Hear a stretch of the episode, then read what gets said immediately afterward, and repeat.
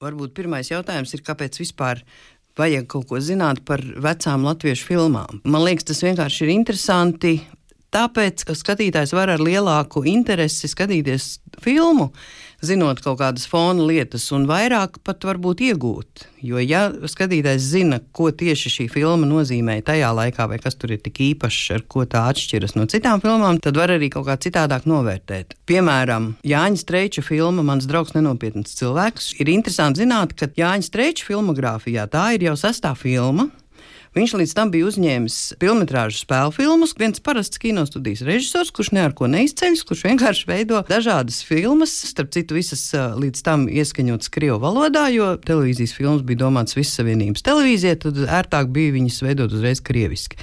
Tāpēc mans draugs nenopietns cilvēks ir pirmā Jāņa Streiča filma, kas ir ierunāta un jau spēlēta un filmēta latviešu valodā. Jo tur uh, ir uh, pietiekami svarīgs tas nacionālais elements.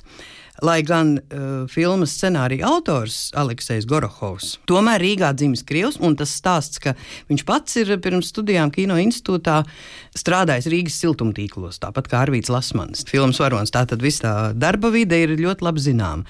Tajos padomu laikos atcerēsimies 70. gadu vidus padomju ideoloģija pilnā plaukumā, un vesels filmu žanrs bija tādas ražošanas filmas par to, ka ir galvenais pozitīvais varonis, kurš strādā rūpnīcā vai kā Arvīts Lasmanis eh, siltumtīklos, tādā ritīgā darba vidē, un tur viņš atrod kaut kādu ražošanas brāķi vai kaut kādu tādu ražošanas konfliktu. Viņš kā pozitīvais varonis nostājas pret to beigās uzvar un tam līdzīgi. Principā ļoti garlaicīga schēma, un tas pat interesanti, ka vienā no mākslas padomēm ir tā brīža Rīgas kinostīs direktors Henriks Lepeško, kam bija ļoti liela pieredze. Viņš nesaskatīja, ka šajā filmā varētu būt kaut kas cits. Viņš uh, prognozēja, ka tā būs parasta pelēka ražošanas filma, kur neviens nepamanīs.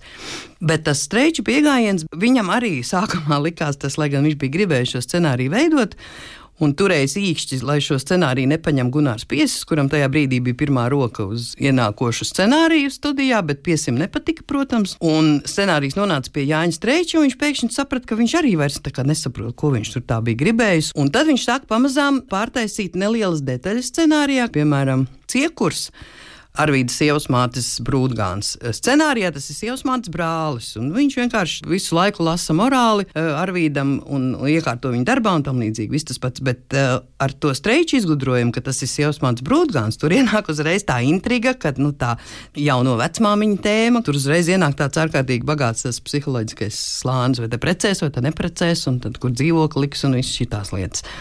Tad, eh, piemēram, Streičs ļoti eh, bagātināja scenāriju ar dažādiem fona varoņiem. Piemēram, tas dzīvoklī klusējošais vīrs pie piena pudelēm. Tas ir īsts svarcēlais spēka vīrs Kārlis Pumpuriņš, kurš esot tajā laikā vienkārši Streičam dzīvojis kaimiņos. Vienmēr satikdams teicis, nu, režisori, kad tu man iedosi lomu. Un Streičs bija domājis, ka tieši vajag tur tajā komunālajā dzīvoklī vēl vienu tādu dēlu, kuram pat nav nekādas darbības nekā, bet viņš vienkārši tur ir un aizņem aizņem vietu, lai radītu vairāk to psiholoģisko sajūtu, ka vienkārši šajā dzīvoklī ir, ir par maz vietas uh, šai augošajai ģimenei. Kornelija Janona. Kāds Jā. cilvēks ir teicis, ka sievietei trūkstot trīs lietas - nav laika, nav naudas un nav ko mugurā vilkt. Toties viņam vienmēr ir taisnība. Viņam ir visgudrākie bērni un vīri, vienmēr muļķi. Jums kā vienmēr taisnība, Madame Andersona. Biedrene Andersone, pilsoni Lasmani. Nu, tādas visādas nianses, piemēram, kaprača darbu un naudas likšanu uz lāpstu. Streičs pats atcerējās no Latgales no savu radu bērēm. Pilnīgi brīnišķīgi gleznaina epizode. Arī, piemēram, Evalda Valtera tēls ir ārkārtīgi krāšņs, kurš varēja tāds nebūt, jo čakāna loma bija nevisai spilgta, un streičs nevarēja saprast, ko tur darīt. Viņš provēja tur Valentīnu skulmi, piemēram, kas būtu pavisam cita tipa tēls, tāds aristokrātisks pamazām nonāca pie tā, ka viņš varētu būt tāds uh, hobija līmenī tēlnieks, kas tur taisa tos vēlnus. Uz tiem streičām norādīja, ka mm, vidzemē ir tāds tēlnieks Walters Hirte, autodidakts, kurš uh, veidoja tādus kokā grieztus vēlnus. Nu, un it kā nu viņa aizņēmās tos vēlnus filmēšanai, iekārtoja dekorāciju un apstiprināja pilnīgi citu aktieru, Aleksēju Hižņako no Krievu drāmas teātra kurš vienā brīdī sāka kā, uzsist sev cenu, prasīt lielāku honorāru, un sakot, tur tāds konflikts veidojās. Un tajā brīdī paviljonā ir jau tā dekorācija iekārtota, un par Rīgas kinos nu, toreiz apkārt notiek uh, vētraina filmu ražošana visās vietās. Staigā aktieri un paviljonā ieklīst Evalds Valters un saka, nu, puikiņi, kā jums te iet? Un operators Mikls Zvirbulis saka, streičam, klusi ausī, paskaties, viņš izstāsta tieši pēc tiem vēlniem. Un tā kā tajā brīdī bija problēmas ar to aktieri, tad uh, apstiprināja Valteru šai lomai. Tur, protams, viens tāds riskantais moments ir, ka Valteram jāguļ zārkā. Ir jau bijuši gadījumi, ka, piemēram, lielas aktrises atsakās tādā lomā filmēties un gulties zārkā aiz vaņticības, bet uh, Valters bija teicis, ka viņam nav pilnīgi nekāda problēma. Es, kad iegulšos zārkā, jūs sanāciet man visapkārt un nofotografējieties. Un kā es pa īstam miršu, tad pastīsimies, jūs divreiz vecāki visi būsiet.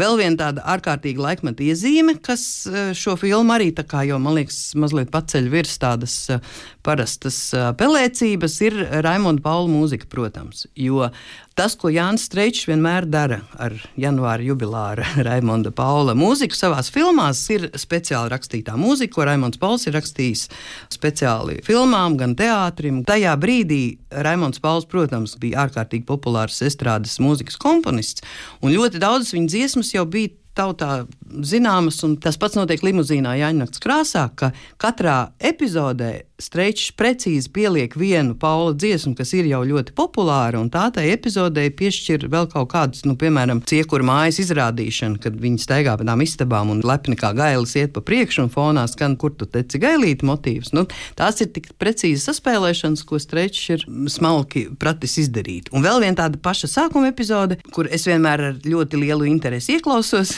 Atsakot, Edvards Pāvils ir tas kadra daļas priekšnieks pašā filmas sākumā, kas atlaiž Lasmanu no iepriekšējās darba vietas, kur viņš iet prom uz pašu vēlēšanos.